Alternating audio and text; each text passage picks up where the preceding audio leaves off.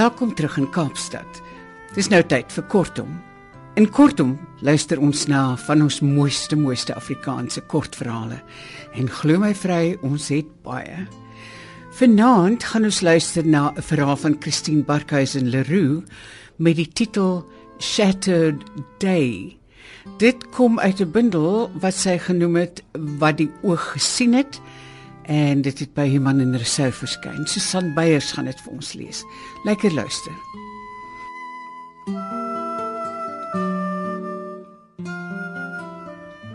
Ek behoort myself nie te verontskuldig en sê dat ek nie 'n aandeel aan haar patetiese omstandighede of die instandhouding daarvan gehad het nie.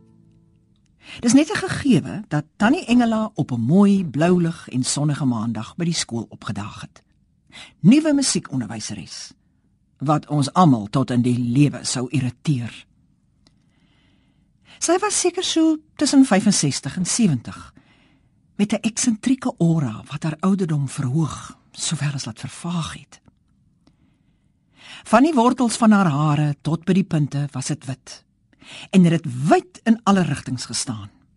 Haar passie was musiek, die jeug en alles wat mooi is soos wat die sielige advertensies in hoekies vir eensames vandag nog meld. Soggens voor skool het die ou vertroude lede van die personeel ek weet nie of dit nou nog toegelaat word nie, want dit is al 'n rukkie gelede en dit was 'n klein skooltjie. Vinnig twee hoogvol lepels kitskoffie en suiker in 'n bekertjie met kookwater geroer en dit afgesluk. Voor die dag met sy leerskare van Filistyne oor ons marseer het. Die tweede oggend nadat sy die vorige dag deur die skoolhof by die eerste saalbyeenkoms van die jaar verwelkom is, het sy doodluiters by die personeelkamer se deur ingekom, die koffiehoekie gesien en op my van alle mense afgepyl. "O, my juffrou lyk darem mooi vir oggend." "Dankie," het ek gestamel en 'n skeut kookwater het oor my hand beland. Ek het ek onthou dit goed want dit was 'n ongewone kleur vir my om te dra, 'n geel somersrok aangetree. Sy het nader aan my gestaan en met haar wit hand aan die materiaal van die mou geraak. "O, juffrou." Vandag, na soveel jare en soveel getuienis van die lewe se gebrokenheid, wonder ek soms of daar iets van 'n smagting na 'n ander soort intimiteit by haar was. Maar Toe het ek my pauses net al hoe meer met opset afgetrokke besig gehou met opstelle en ander skrifte wat ek moes nasien sodat sy nie aan my moes raak nie.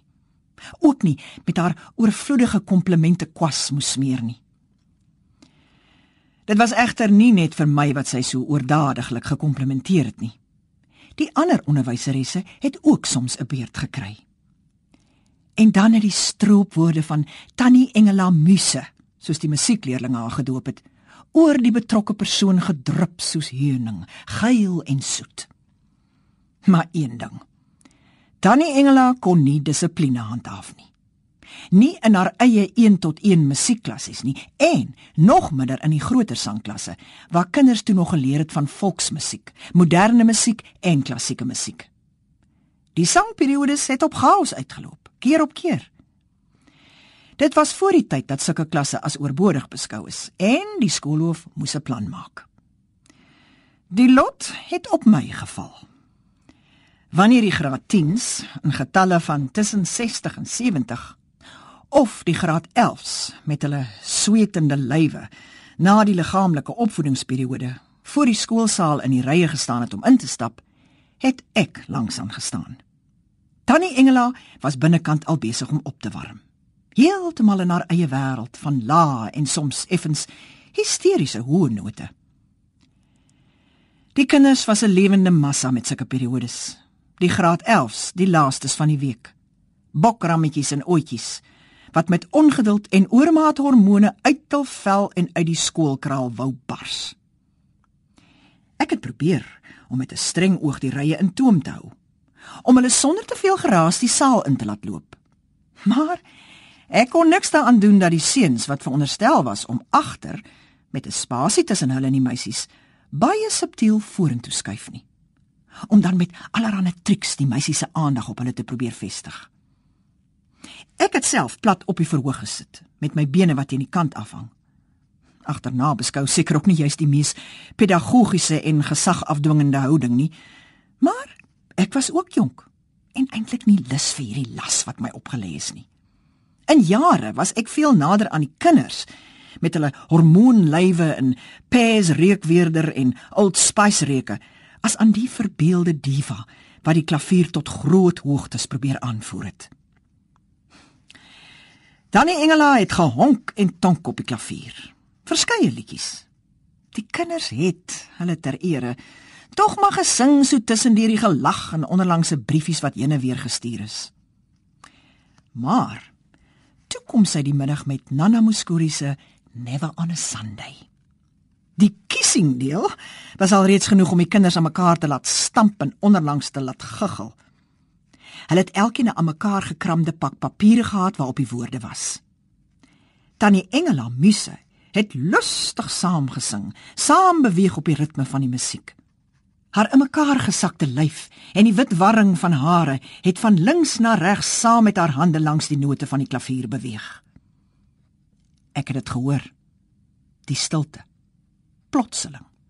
Die val wat die kinders vra gestel het want net voor die Never on a Sunday reeltjie het sy lustig hardop en solo gesing a Thursday a Friday a Saturday. Hulle het onbedaarlik aan die lag gegaan. En ek juffrou wat ek sogenaamd was ook. Hoekom dit so snaaks was het ek nie geweet nie. Hulle die leerlinge seker ook nie Maar dit was die soort pret wat 'n mens deur jou lyf kon voel vriemel wanneer iemand struikel of 'n stoel missit. Dan die engele het gesien hoe die kinders lag en 'n bietjie verwytend na my kant toe gekyk. Ek was immers veronderstel om die orde te handhaaf. Maar sy het geen idee gehad waaroor die kabaal was nie. En so, hef aan die lied van vooraf. Weer 'n keer. Nog 'n Saturday en dieselfde nog groter gelag. Teen hierdie tyd was ek ook hulpeloos van die lag. Daar kom 'n oomblik dat jy oor die grens gaan. En daardie dag was ek definitief verlore vir die opvoedingsstaak wat ek moes help uitvoer. Dan die engele het die klavierbankie agteruit geskuif en die klap van die klavier hard toegeslaan. Swikkend by die deur van die saal uitgeloop. Dit het met eens gevoel of 'n lugleegte ons insuig. Die kinders het nie geluid gemaak nie. Maar toe die klok gelui en hulle is in bondels by die deur uit. Ek het gewens 'n mens kon die klomp sommer in 'n trechter afgooi sodat hulle gestroop een een ander kant kon uitkom. Die maandag daarna was dan die Engela Muse haar ou self. "Ai, juffrou," het sy teen my kom spin. "Die graaddiens is maar 'n moeilike klas. Juffrou moet juffrou dit tog nie te veel aantrek nie." En toe kyk sy my skielik op en af. Oh, my juffrou het daar 'n vreeslike pragtige blouse aan. Dit pas so mooi by juffrou se blou oë. Ek het die skoolhof gevra of hy asseblief 'n manlike onderwyser kon vind om die res van die kwartaal voor die eindeksamen begin vir Tannie Engela in haar stryd teen die barbare te help. Ek het net nie kans gesien om weer 'n keer daar te sit nie. Veral omdat die graad 11s een oggend in die Afrikaans klas my vertel het, hulle het gesien sy dra 'n plat flessie met soet sherry saam skool toe. En dat hulle die Saturday direk aan daai voggies verbind het. Aan die einde van die skooljaar, die punte reeds in, die rapporte geskryf en met die behaaglike wete van 'n lang rus wat sou volg, het ons die laaste dag van die jaar in die personeelkamer goeie wense en vakansieplanne uitgeruil. Eh, eh, "Waar gaan juffrou hulle heen?" het tannie Engela gevra toe sy op die leesstoel wat ek vir Johanni uitgehou het kom sit. "Nee, wat? Dalk net vir 'n paar dae weg, so 3 of 4. Maar Kersfees is die hele familie weer by my en dan is ons lankal weer terug. Ag, dan weet mos so klomp mense wat 'n mens net moeg maak." Het ek probeer om meer as net die geforseerde paar woorde te uiter. "Ag, juffrou kan bly wees," het sy gesê. "’n Mens wil maar jou mense rondom jou hê met Kersfees." Ek het 'n skielike steekie gevoel. Afgelei dat sy nêrens heen gaan nie en ook nie gaste kry nie. Ek het gewonder of ek nie teensinnig soos ek was, haar moes vra om na kerk die Kersdag saam met die familie te kom deurbring nie. Maar ek het nie. Want so het ek die redes vir myself opgenoem. 1, sy was nie familie nie. 2, sy sou almal irriteer. 3, my skoonma sou ontevrede wees want dan sou van die aandag na ander gegaan en nie na haarself nie. 4. Sy sou my die volgende jaar nog meer lastig val. 5. Deur die loop van die dae nadat die skool gesluit het en soos wat Kersfees nader gekom het, het die ding snags in my begin skuur. 'n Beskuitkrummel in die bed. 'n Klein ou stukkie harde deeg wat besig was om 'n rots te word. Wanneer ek soggens besig was met gemmerkoekies bak om aan die boom te hang, het ek haar belynde gesig gesien. Die grys Daisy de melker hare en die verlangende klank in haar stem gehoor. Tot ek eenmiddag besluit het, ek gaan haar ten minste besoek daar aan die rand van die dorp. In die huis wat toegerank was met donker pink bougainvillas en 'n persstruik wat ek nie geken het nie. Ek het lank geklop voordat sy oopgemaak het. Sy was geheel en al deur die blare. Haar hare het, as dit ogenaamd moontlik was, nog meer verstrooid om haar kop gestaan. Haar gesig was gekreukel soos iemand sin wat lank in dieselfde posisie lê en slaap het. Daar was 'n reuk van ou oorstaan kos wat tot in die gang opgeslaan het. En die soet geurtjie wat ek teen daardie tyd al agtergekom het, altyd uit haar gewalm het maar sy het die deur wyd oopgetrek na binne toe. "Ai, juffrou. Dis nou 'n groot verrassing. Ek is jammer tannie Engela, ek het nie gebel nie. Ek kan 'n ander Ek was met een spyt oor my ingewing. Ek het haar kom steur in haar slaap. Die vredige bestaan wat sy vir haarself ingerig het. Die semi-beneweldheid waarin sy haar eie troos gevind het. Nee, juffrou, kom tog in asseblief. Ag verskoon. Ek het nie vanoggend Juffrou, ek, ek maak nou vir ons tee of vir juffrou koffie hê. Juffrou drink mos altyd soggens. Die huis was donker binne. Die meubels effens klam van nooit lig kry nie. Teen die muur het 'n portret van 'n man en vrou gehang. Dit was nou my pa en my ma, juffrou. Uh, leef juffrou se ouers nog? Dit het gevoel of ek versmoor. Ek het haar privaatheid binne gedring. Maar meer nog, ek het haar toegelaat om in te kom waar ek self nie buitestanders wou hê nie. Wat het ek nou ook gedink gaan ek bereik met hierdie tweedaagse Kersfees wat ek vir haar wil bring? 'n Besoek 3 dae voor die werklike dag. 'n Houertjie met badsout, 'n geborduurde waslappie en twee koekies geparfumeerde siep. 'n Mooi woordjie en 'n absolusie vir my gewete. Ek het my tee, daar was nie koffie haar huis nie. So vinnig gedrink dat dit my verhemel te gebrand het. Ek is eintlik ook maar 'n bietjie hastig, het ek verduidelik toe sy nog 'n koppie wou inskink. Dis maar besig nou, tannie weet die kinders en daar's nog inkopies en uh, en wat? So die stemmetjie in my kop gevra. Ag, dis alles reg, juffrou, het sy geglimlag. Oei, my juffrou het darm weer 'n mooi blou rok aan vandag. Ek het opgestaan. Dankie tannie Engela. Ja.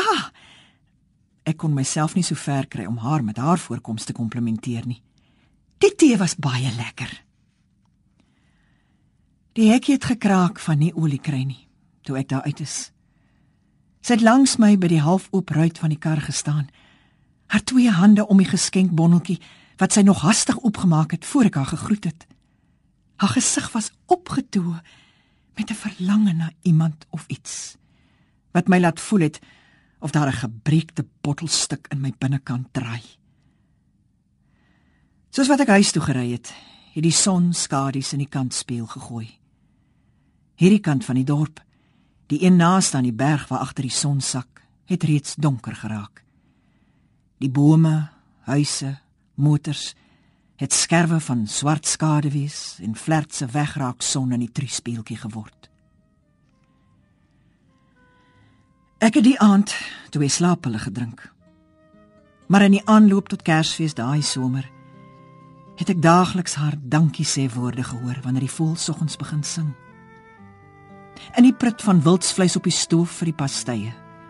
In die melodie van Tidings of Comfort and Joy wat skynbaar elke tweede snit op alle Kersfees CD's was. Vergesel van die inkennige toon van haar verwonderde woorde. Ai, juffrou. Ag, ek het nooit geweet juffrou is so lief vir my nie. Susan Beyers het vir ons Christine Barkhuizen Leroux se verhaal Shattered Day gelees. Dit kom uit 'n bundel met die titel Wat die oog gesien het van Iman en Rousseau. Van my, Margot Luit, alles van die aller aller allerbeste. Mag dit met ons almal goed gaan. Totsiens.